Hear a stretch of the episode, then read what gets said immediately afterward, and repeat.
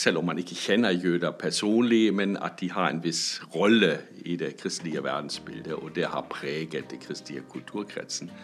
Og Derfor bør man eh, se på dette og, se, og skape faktisk en søndagsskole som er ikke antijudaistisk. Det ble blankt tilbakevist av Vårt Land f.eks., eller også andre teologer som Ilen, som mente det. Så går det ikke den gangen.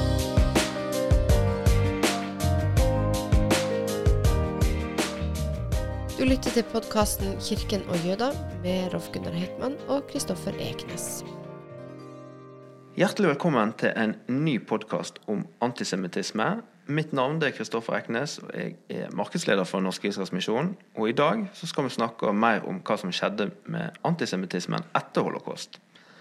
Og For å se nærmere på dette spørsmålet, så har jeg med meg professor i moderne europeisk historie ved Universitetet i Bergen, og forsker ved HL-senteret, Christer Hoffmann. Velkommen, Christer.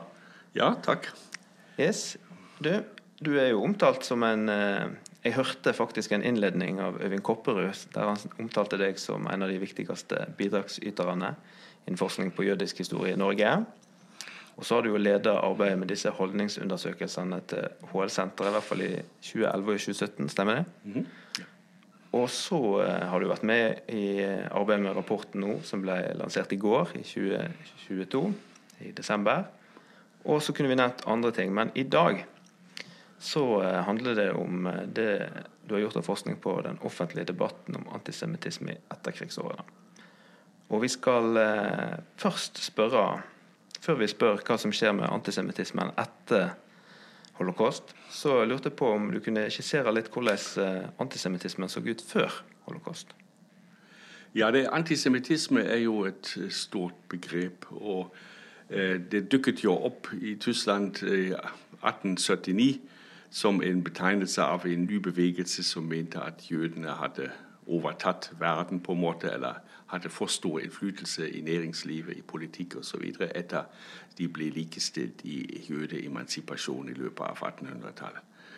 Og eh, De kalte det antisemittisme fordi de vil avgrense seg eh, fra det religiøse jødefiendtlighet, eller antijudaismen, som fantes fra før. Antisemittisme betegner, øh, hvis man ser det, et sånt stort begrep at er, jeg synes det er meningsfullt å se litt forskjellige dimensjoner inn i dette. Det ene er jo fordommer man har mot en annen gruppe, som jøder f.eks. Men det, er, det finnes også lange tradisjoner i kulturlivet hvor man snakker om bestemte stereotypier om jøder. At de er Eh, flink med penger, og eh, at de ønsker å være, syns på seg selv å være bedre enn andre, osv. osv. Eh, og så finnes jo konspirasjonsteorier, at jødene prøver å styre verden. Og til slutt ja, også en statlig politikk som vi så i Nazi-Tyskland, hvor antisemittisme ble statsdoktrin, og hvor antisemittiske lover utgrenset jødene igjen. Ja, og jeg tror det er litt viktig å skille det som skjedde med holocaust, altså at jødene ble systematisk drept, kunne bare skje i en diktatur og under betingelser av verdenskrig. Eh, I den eh, konteksten var det mulig å gjennomføre eh, dette, dette prosjekt, hvis man vil si det. Og det hadde å gjøre fordi Hitler var overbevist at jødene var det ånde i verdenshistorien. Og om Tyskland ikke skulle tape verdenskrig igjen som den første verdenskrig, da øh, var det viktig at jødene ble uskadelige. Enten at de ble sendt ut av Tyskland med øh, tvunget emigrasjon, og senere da øh, de i Øst-Europa og bare drepe dem. Ja, Det var basert på en konspirasjonsteori at jødene styrte verden, og at Tyskland på en måte kjempet ikke bare mot de allierte maktene, men at jødene står bak. Så det sentrale fiendebildet.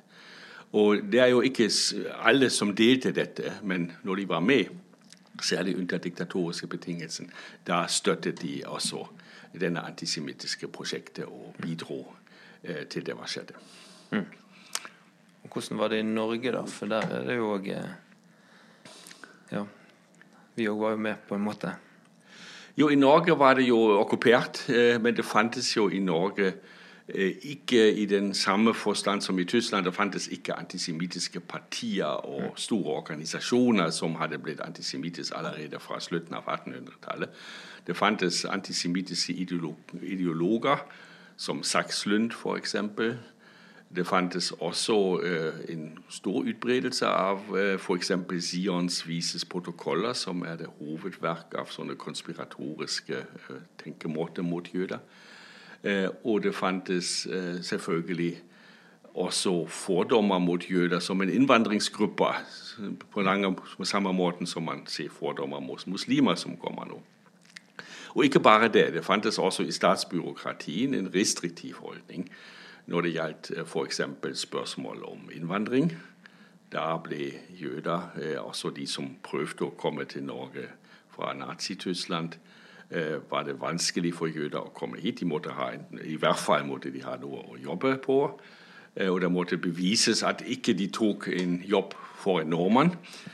Og ellers måtte de også ha faktisk en mulighet å reise videre, så det ikke skulle bare være så midlertidig. Mm.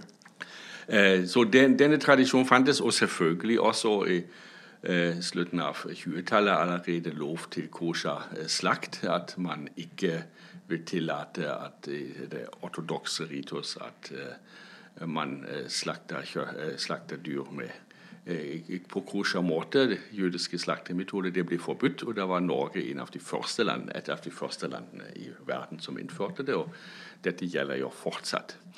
Ut av dyrevern, men hvis man ser nærmere på den debatten som har blitt undersøkt, så var det også antisemittiske påstander involvert i dette.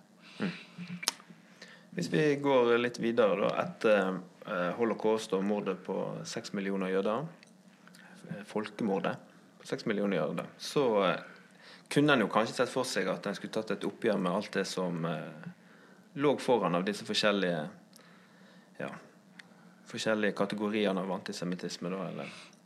Men hva skjedde egentlig etter holocaust? Jeg vil tro at det har også skjedd. og Hvis vi ser utviklingen fra 45 nå til nå, har det i hvert fall skjedd et oppgjør med antisemittisme. Mm. Men den eh, kom ikke umiddelbart. Og det tok tid. Eh, og det har også ført til at antisemittisme i visse nye, eh, mer, mer skjulte former fortsatt eksisterer. Eh, vi hadde et prosjekt på HL-senteret også akkurat om dette, om antisemittisme etter 45. For det første eh, en sånn hendelse som folkemord på seks millioner, det tok tid for uh, det ble virkelig altså Det ble jo kjent, men å virkelig fatte hva har egentlig skjedd der, og på hvilken måte det hadde skjedd. Det tok tid. Det var jo krigstilstander, og mange folk hadde jo også andre ting i den situasjonen å tenke på.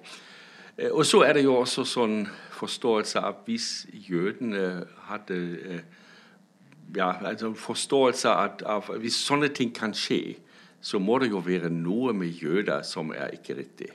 At de på en måte blir straffet på en måte, fordi det var noe feil med dem. Og Det er en lang kristen tradisjon også at man sier at jøden, eh, jødene blir straffet for sine synder da, eh, av Gud. Så Denne erstatningsteologien er jo basert på det, at man tar hendelser fra historie, særlig den destruksjonen av tempel, øh, den ødeleggelse av den jødiske tempelen i 70 øh, etter Kristus, ble da sett som synlig Guds straff, og at jødene ble spredt over verden osv. Og også. Og at man forventet at det var faktisk for sine synder med å ikke anerkjenne Jesus som Messias. Og denne form av at jødene er selv skyld for uh, at de blir forfulgt. Det er også utbredt. Og til og med i Norge uh, i 1952 har Institutt for samfunnsforskning gjort sånne meningsmålinger inspirert av nye meningsmåling om nasjonalisme fra USA. Og det var et spørsmål Man skulle ta stilling til en påstand at jødene er selv mye av skylden for at de blir forfulgt. Og Det var det blant borgere i Oslo et utvalg og det var det 44 som eh, syntes det var riktig. I dag vi har stilt det samme spørsmålet også på HL-senterets undersøkelse, og i det aller nyeste er det faktisk 8 som fortsatt mener det. Så det har skjedd noe at man sier ja. altså Det betyr jo hvis man ikke har kunnskap om det, og bare hører det som har skjedd, og ikke vet uh, den forhistorien med antisemittisme, konspirasjonsteorier osv., uh, da Eh, kan man ikke forstå det. Man må kjenne historien for å forstå hva har skjedd i holocaust. og Det er viktig å formidle det.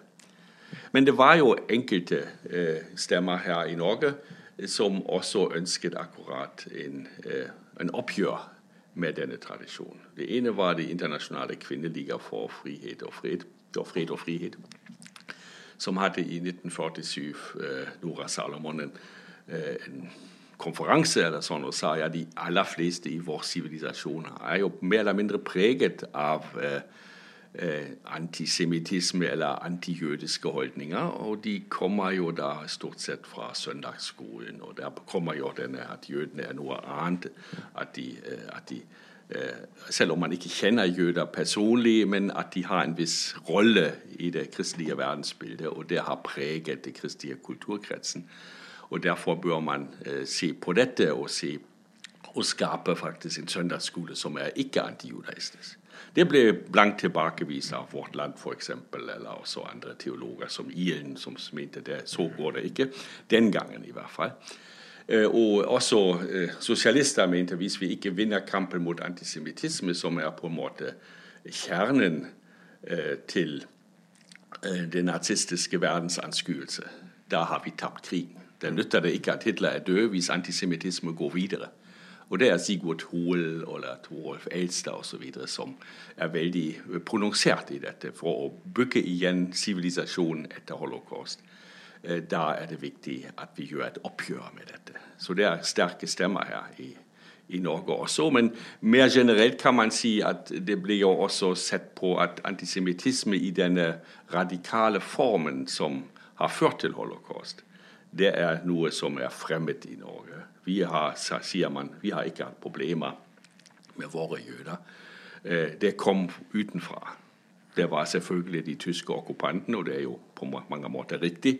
Men det var også de, de liten gruppe av quislinger som hadde denne radikale ideologien. Men de vanlige nordmenn var ikke antisemittiske. Og det var jo sånn holdning å bygge nasjonen etter 45.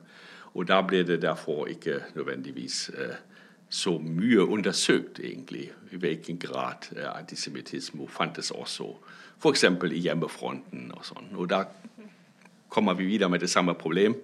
At antisemittisme i den forstand vil jo bety fordommer og sånn, men ikke nødvendigvis denne, eh, denne folkemordstanken som ligger bak den nazistiske antisemittismen.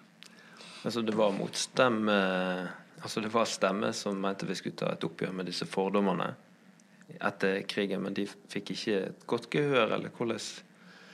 Nei, altså jeg tror i, i, Det har jo blitt undersøkt altså i den på venstresiden, altså særlig i Arbeiderpartiet og med disse intellektuellene der med som sagt Sigurd Hoel og andre som mente det, det, det som skjedde med nazismen, det var virkelig et angrep mot sivilisasjonen. Mm. Og for å gjenbygge sivilisasjonen, da måtte man ta et oppgjør med, med akkurat uh, denne formen av rasistisk antisemittisme. Eh, det fant gehør, men eh, som sagt, spørsmålet er også hva kan man gjøre umiddelbart. Ja. Men eh, i den forståelse var det klart at holdninger til jøder var på en måte et kjernepunkt i å oppbygge sivilisasjonen igjen etter det var skjedd. Mm. Uansett, altså den forestillingen at man har ikke snakket så mye om, om holocaust og det som skjedde, det er ikke nødvendigvis riktig. Altså man har relativt tidlig også har, uh, snakket om det som har opplevd, hva de overlevende hadde opplevd osv. I, i offentligheten. Uh, sånne, men ikke i den intensiteten som vi har i dag. Det er riktig. Men det var present i samfunnet. Bare følg opp når begynner den intensiteten å liksom vokse, sånn som vi ser her nå? da? Det skjer ofte, og det samme i andre land, skjer ofte med sånne hendelser og skandaler. Fordi det grunnleggende, eh, kan man si, er jo at man sier eh, etter 45 antisemittisme skal ikke ytres i offentligheten lenger.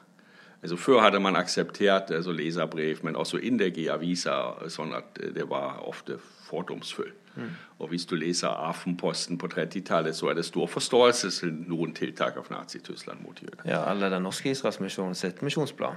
Ja, akkurat. Eh, men eh, det ble ikke lenger akseptert. Og det betyr man har egentlig ikke lov til å snakke offentlig eh, når man er antisemitt Ja, du kan ta det privat og eventuelt i noen små eh, marginaliserte ekstremistiske grupperinger, men ikke i, i, offentligheten. Men det er jo selvfølgelig, betyr jo ikke at man gjør noe med fordommene. De kan bare ikke ytres. Man kaller det eh, kommunikasjonslatens. Altså du, de er ikke i offentlighet, men de fins likevel. Mm. Kanskje i det private. Eh, det var jo de metode man anvendte i Tyskland, fordi hva skulle man, Vest-Tyskland særlig. Hva skulle man gjøre med alle de gamle nazistene, som var jo ofte fortsatt overbeviste nazister?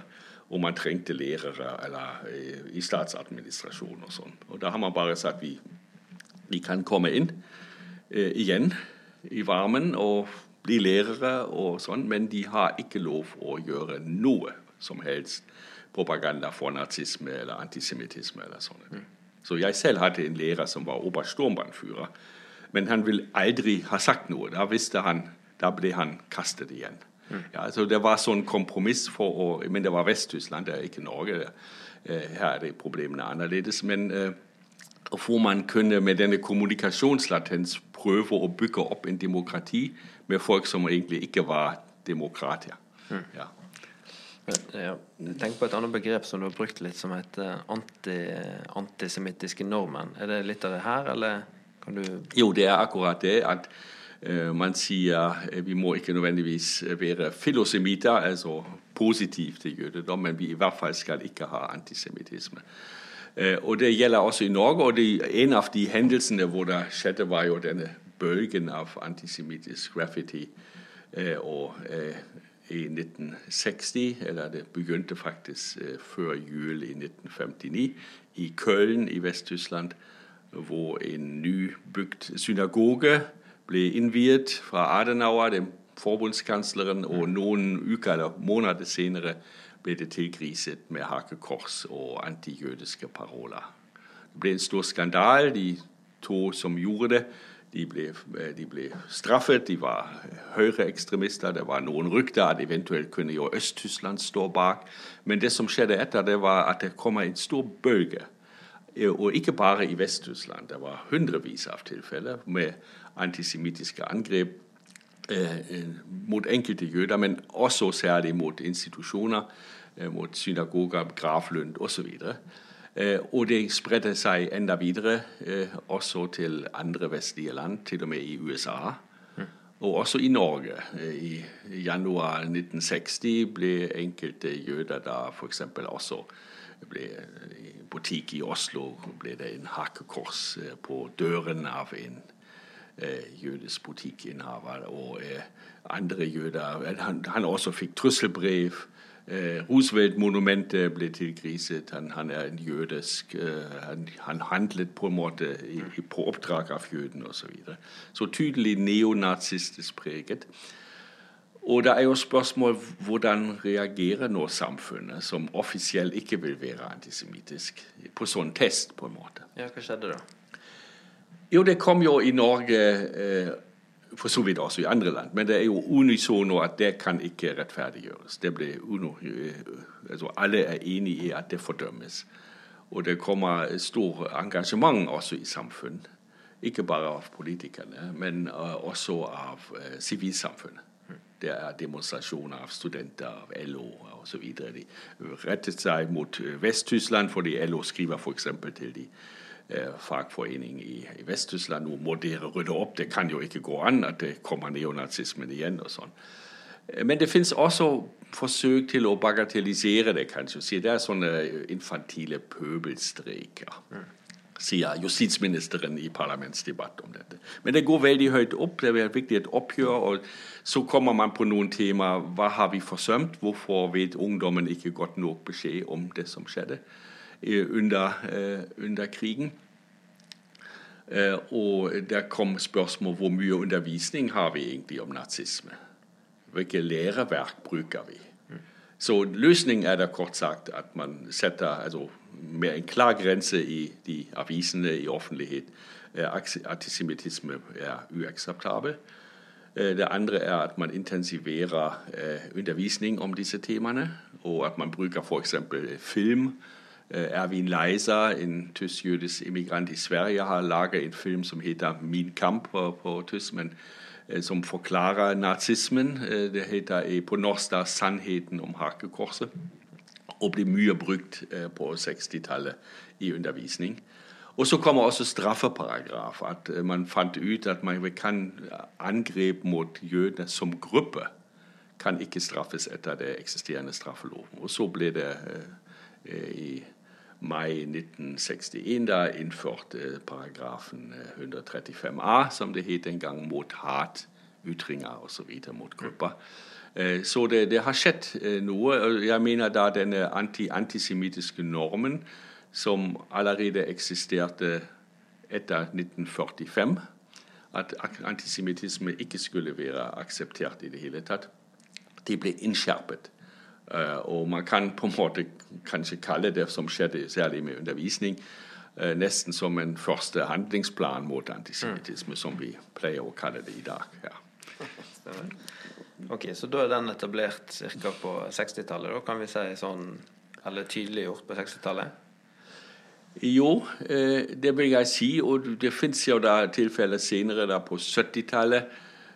Den lektor Hoaas Øh, som er en stram neonazi, kan man si, og en virkelig antisemitt som mener at jødene er fortsatt et farlig element osv. Så, videre. så eh, han bruker sin, også sin posisjon som lærer og som lektor eh, og i intervjuer. og Hvis man kan, sier han, jødene ikke får ut av Norge, så burde de segregeres til et eh, ensomt landområde hvor de ikke er skadelige osv. Så, videre. så ganske radikale ideer.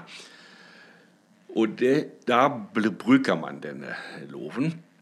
Han ble dømt etter eh, den paragrafen 135a eh, for hatytringer, og han mista til slutt også sin uh, posisjon som lektor i skolevisen. Og Da er også jødiske overlevende som Leo Eitinger og andre veldig engasjert. også Mendelssohn altså, er veldig engasjert i og at det ble nå anvendt hva man har lovet i 1960, at nå må staten være streng mot antisemittisme, at det ble anført. Og man sier også veldig tydelig en person som er i skolevesen og har sånne ideer og sprer sånne ideer også i offentligheten, øh, er jo akkurat øh, det motsatte av hva man vil oppnå. Ja på skolen. At man vil overvinne antisemittisme og nazisme etter alt man har gått gjennom og alt man vet holocaust, fra holocaust. Du, Visste du at Først er det første misjonsbladet? Først var først kalt Misjonsbladet for Israel. Så har Først først nå fått ny innpakning. Ja, dette i form av bladet Først. Rett og slett et gammelt misjonsblad i ny form. Fremdeles med fokus på det første folket. Bestill ditt første eksemplar nå, eller abonner først som sist. Misjonsbladet først. Sammen skal vi gi evangeliet tilbake til jødene.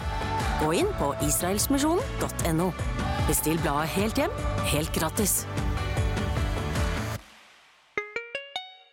Ja, så hvis vi går litt videre, for du skriver jo eh, Litt av den samtalen er basert på et kapittel som eh, du har eh, skrevet, der du forsker på offentlige debatten eh, omkring eh, ja, antisemittisme. Og eh, der er det jo to årstall du nevner, og det siste er 80, 1983. Hva er, som, eh, hva er det som skjer her i denne perioden?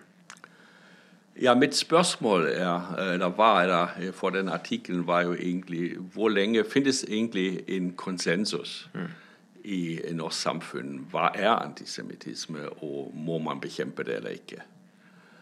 Og da er det tydelig at det fins en konsensus f.eks. i 1960. Mm. Det fins selvfølgelig også små marginaliserte grupper fra vei høyreekstreme osv. som mener det bare er tull. og det det er, det er altfor stor innsats fordi det er jo pøbelstrikk og det er litt sånn. Men i stort sett er samfunnet eh, enig i dette, og det er en helt klart fordømmelse av antisemittisme. Og så skjer en utvidelse av begrepet, og det har med, med antisionismen å gjøre. Det betyr med den bevegelsen som eh, kom opp særlig på slutten av 60-tallet. Eh, og det har eh, å gjøre med politiske endringer i norsk samfunn. Og da er det særlig den revolusjonære ungdommen eh, som ble preget av Vietnamkrig, og så USA som det altså antivestlige, så USA som imperialistisk makt. Og Samtidig var jo i 1967 seks dagers krig, hvor Israel da okkuperte etter, etter den krig og etter den trussel mot Israel da i en preventivkrig okkuperte store altså Vestbredden, Golan, Gaza, Sinai den gangen. Og da ble Israel sett på som et eh, brohode av vestlig imperialisme. Eh, I disse øynene av disse unge eh, radikale eh, på venstresiden. Det er ungdomsorganisasjoner til SF, som det het, senere SV. Eh, og de kommer da med en resolusjon i 1967 at staten Israel i sin nåværende funksjon som brohode av eh, US-imperialisme skal ikke ha livets rett. Skal ikke eksistere. Øh, og det er, det er politisk. Ja, en politisk kritikk. Øh, og mange av dem var faktisk relativt positive til Israel fra før. Altså Enkelte hadde vært i, på kibbutz. Mm. Øh, så det er ikke sånn at man kan si det, det kommer altså fra en helt annen område. Det, det, har ikke å gjøre med disse gamle NS-veteranene som fortsatt har tro på disse nazi-antisemittismen. De mener at Israel eh, er på eh, siden av Vesten, og da også en del av det imperialistiske. og Derfor må man, må man ha solidaritet med palestinerne. Eh, og kjempe som man Mao kjempet. De blir jo da ideologisk sett ofte maoister, og da ble det da ML da i norsk parti. altså Eh, kommunistisk parti eh, med, med maoistisk uttrykning, eh, som, som i hovedsak støtter dette. Og så kommer nye organisasjoner. Det kommer Palestina-komiteen, altså, som aviser. Klassekampen veldig viktig i den fasen. Som kritiserer Israel pga. okkupasjon, men også mener altså, som et ren stat skal Israel egentlig ikke eksistere. Eh, og eh, i den sammenheng Nå kommer vi til 1983. Og så går jo den Sympatien for Israel har jo vært i norsk samfunn veldig stor. Eh, Israel var jo en av de beste venner, og det har også særlig med Arbeiderpartiet å gjøre. Det var jo like strukturer i den israelske arbeiderbevegelse med en viktig fagforening med Arbeiderpartiet som vil skape et sosialistisk og sosialdemokratisk samfunn. Det var tette forbindelser. Men det positive klimaet mot Israel, meningsklima, det endrer seg. Eh, og det er særlig mellom Jom Kippur-krigen i 1973 eh, til eh, denne kampene mot PLO av Israel i Sør-Libanon i 1982. Og i 1982 er det et flertall som holder med palestinerne ikke lenger med Israel. Var det noen bestemte hendelser som gjorde det sånn? Jo, altså jeg var jo tilfeldigvis selv den gangen i eh, Syria og i Jordan på en ekskursjon, noe helt annet med antikkhistorie. Eh, og det var jo klart, det var hver kveld så man israelske bombere bombe eh, faktisk de flyktningleirene i, i Libanon og Beirut osv. Og, så og så kommer jo Eh, disse angrep og disse massakrene som de eh, kristne som var kristne falangisten, som var, eh, var jo alliert med Israel, gjennomførte. Og da, da gikk den offentlige mening mot Israel og anklaget Israel for krigsforbrytelser osv. Så, videre. så stemningen var da helt anti-israelsk i offentligheten. Eh, og en eh, større solidaritetsbevegelse med palestinerne. Og I den situasjonen er det eh, Nansen komité som hadde hjulpet jødene etter i, på 30-tallet, men også nå får jødene ut av Sovjetunionen særlig. Og overlevende som særlig Leo Eitinger, som var psykiatriprofessor og overlevde selv Auschwitz. Eh, så mente jeg da at den nye antisemittismen er nå rettet mot Israel, og da burde man ha informasjon om. Så organiserer de i Oslo i juni 1983 en internasjonal høring, eh, hvor det ble innkalt og invitert eh, forskere, eksperter på antisemittisme, men også politikere og andre som var engasjert i dette spørsmålet, journalister osv. Og, så og det ble en høring Eh, og da prøvde man på en måte å etablere noe, eller å ta den konsensus som man hadde fått mot antisemittisme generelt, nå også å anvende mot anti-israelsk antisemittisme, som det ble kalt. Eller mot antisemittisme. Også det var en del av antisemittisme.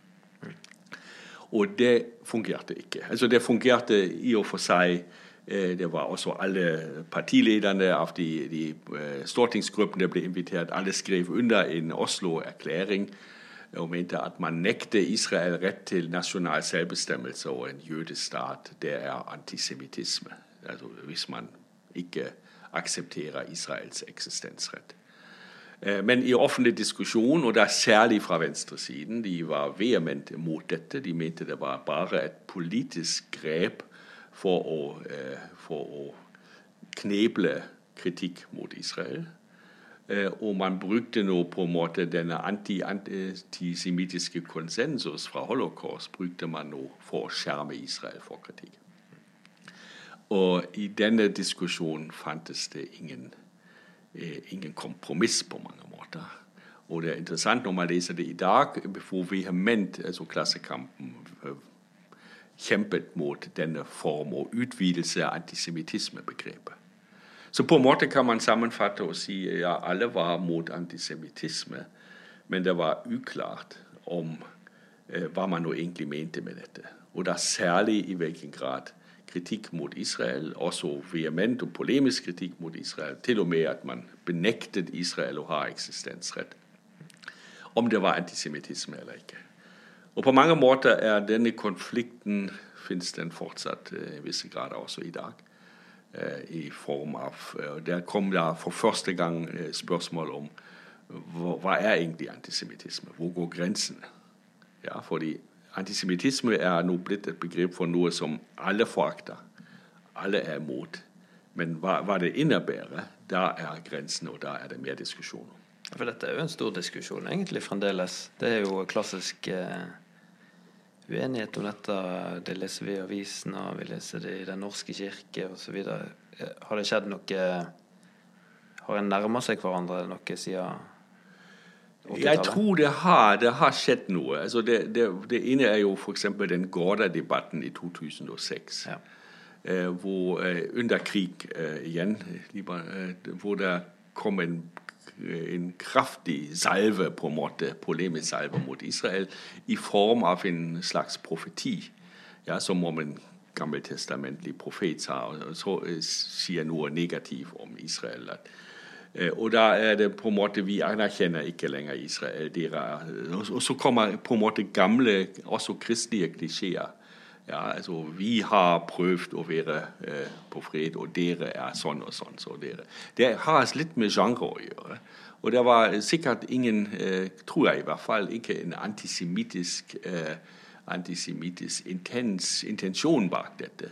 Men den formen det ble brukt på, eh, var selvfølgelig å, å vise vi er på humanitetens ståsted, og vi fordømmer hva dere gjør uten en eneste refleksjon hva f.eks. den, det kristelige kultur hadde gjort med jødene. Det er det ene.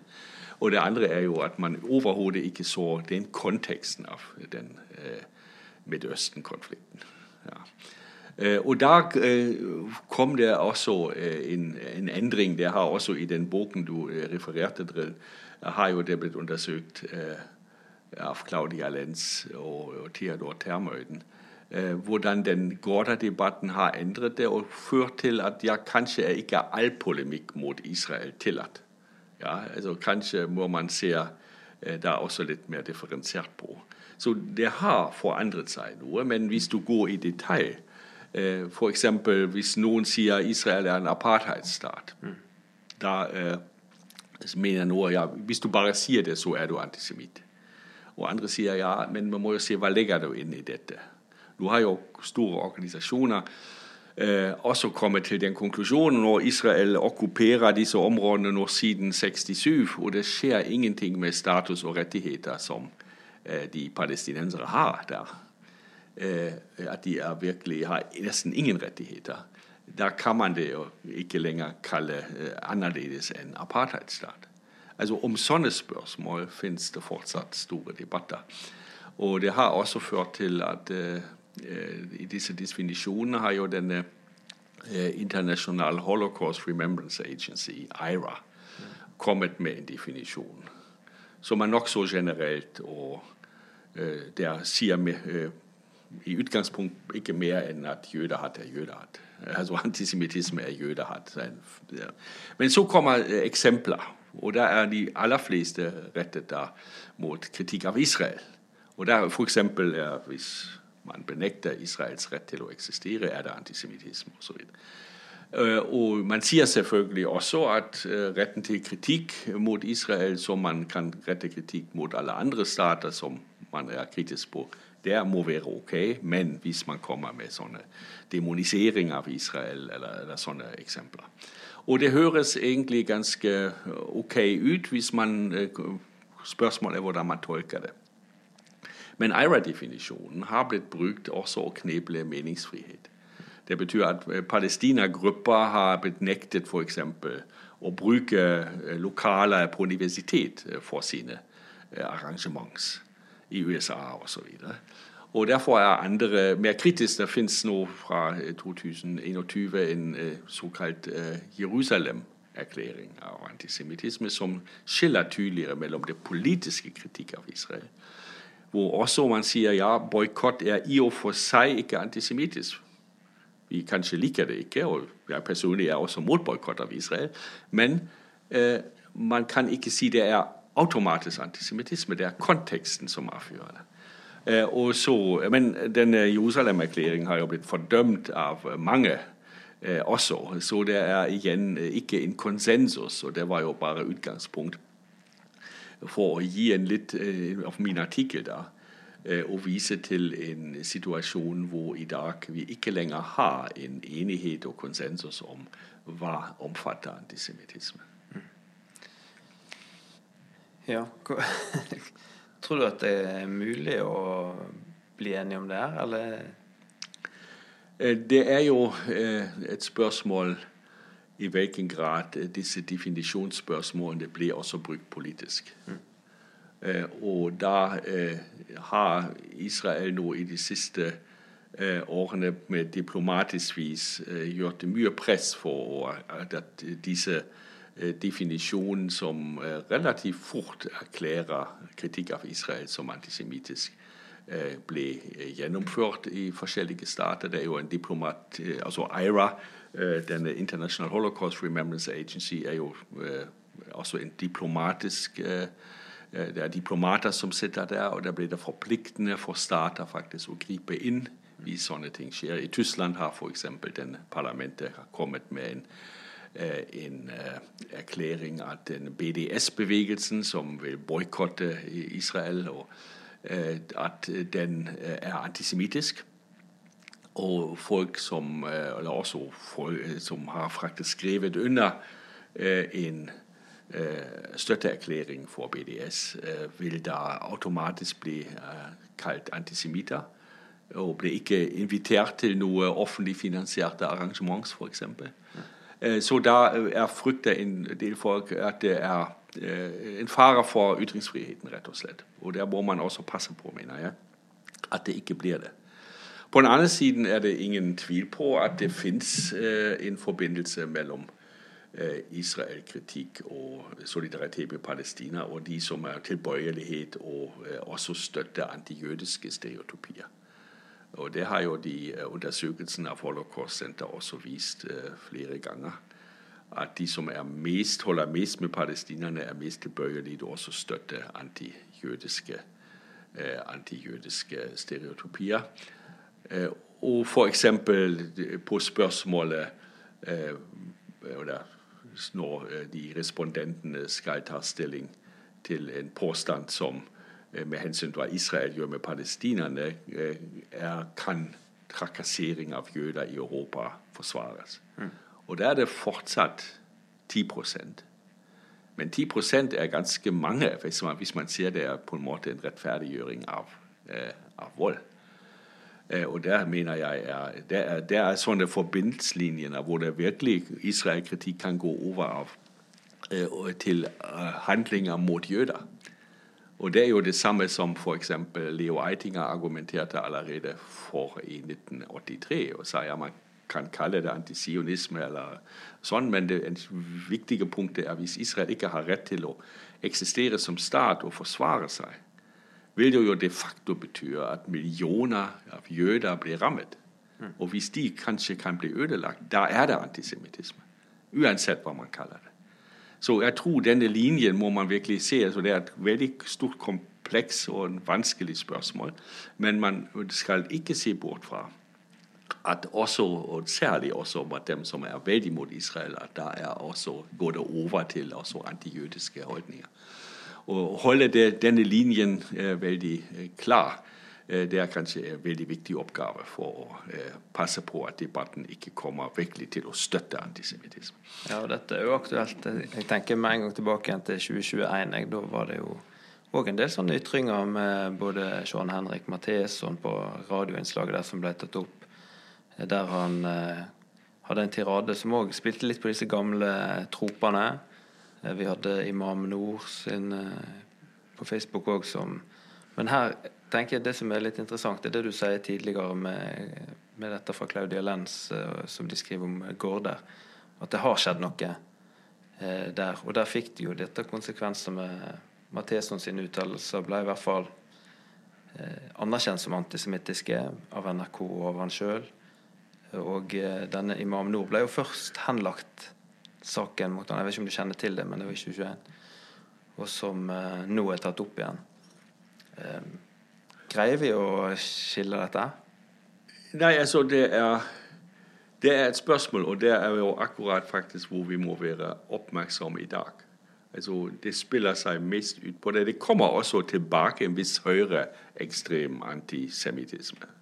Særlig da i retorikk mot globalister, eh, hvis man ser på Ungarns eh, statsminister som bruker det i sine veikamptaler osv. Og da er det rettet mot Soros. Ja, det er det internasjonale finansvesen. Også det kommer tilbake. Men ellers eh, ser vi jo akkurat eh, den linjen der hvor antisemittisme må, være, må være passe på. Eh, det ligger akkurat som du sier, at det kommer denne hat mot Israel. Og som går da også direkte og Det, det syns jeg er det, det, kanskje mest skremmende også i den nye undersøkelsen. At man er beredt til å eh, trakassere jøder fordi Israel gjør noe. Ja, og jøder i Europa, altså ikke jøder i Israel, men at man sier jo ikke kan trakassere jøder. Og det, det har jo skjedd. Altså Hvis eh, da eh, Trump flyttet den amerikanske ambassaden fra Tel Aviv til Jerusalem. Da ble noen dager senere ble eh, synagogen i, i Göteborg attakkert. Ja, det har ingenting med å gjøre med dette. Ja, men det skjer likevel. Og det betyr på en måte er jo eh, jødene i Europa i bestemt fare hvis det skjer noe i Midtøsten. Eh, og at de tallene har blitt, blitt, relativt lave når det gjelder støtte til antisemittiske stereotypier, kan ha også å gjøre med det at det var en relativt rolig fase i Midtøsten. Men hva skjer når det er ikke det? Hva skjer når vi får en ny, eh, ja, som i 82 osv.? Eh, og det betyr at jøder må fortsatt i Europa i hvert fall leve under den faren at det en eh, forverring av situasjonen i Midtøsten kan direkte føre til angrep mot dem. Ja. Eh, og det er jo en uholdbar situasjon hvis man vil ha en, ja, eh, en minoritet som skal føle seg trygt her i landet. Og Derfor er det så viktig faktisk å se og passe på at man holder den grensen. Altså, man kan kritisere Israel, og jo mer konkret man gjør det om noen bestemte handlinger, jo bedre. Men hvis du kommer, som jeg har også funnet i en artikkel eh, av en norsk forsker eh, i en eh, historiedidaktisk tidsskrift, som mener at som er veldig imot anti-antisemittisme, og hvordan det brukes nå i opplæring av elever osv. Og han mener hvis vi da ser på Israel, da ser vi jo at jødene fortsatt har denne arrogansen. Ja. Det, det, som han kaller antigoyismen, altså en negativ holdning til alle ikke-jøder. Og det forklarer antisemittisme. Ja, det kommer da fra venstresiden, men er et argument som man har brukt i Nazi-Tyskland og fra Ludendorff osv. før. Antisemittisme er bare en reaksjon på antigoyisme, altså den negative holdning til ikke-jøder blant jødene. og Derfor på en måte rettferdiggjort. Eh, så der må man passe på. altså Det fins ikke mye, men det, det fins eh, enkelte forsøk faktisk å røre det antijødiske inn også for å forklare Israels politikk. Mm. Som om det var typisk jødisk å gjøre det sånn. Og ikke se at det er en, en komplisert situasjon. En, og altså en uholdbar situasjon med denne langvarige okkupasjonen, og at man tar av landet der med, med bosettere osv. Et høyst problematisk, jeg er veldig enig i det. Eh, men å forklare det som typisk jødisk, sånn, da er grensen over. Da er man på antisemittiske forklaringsmønster. Jeg tror det er det vi rekker i dag. Christer, tusen takk for at du stilte opp og lærte oss litt mer.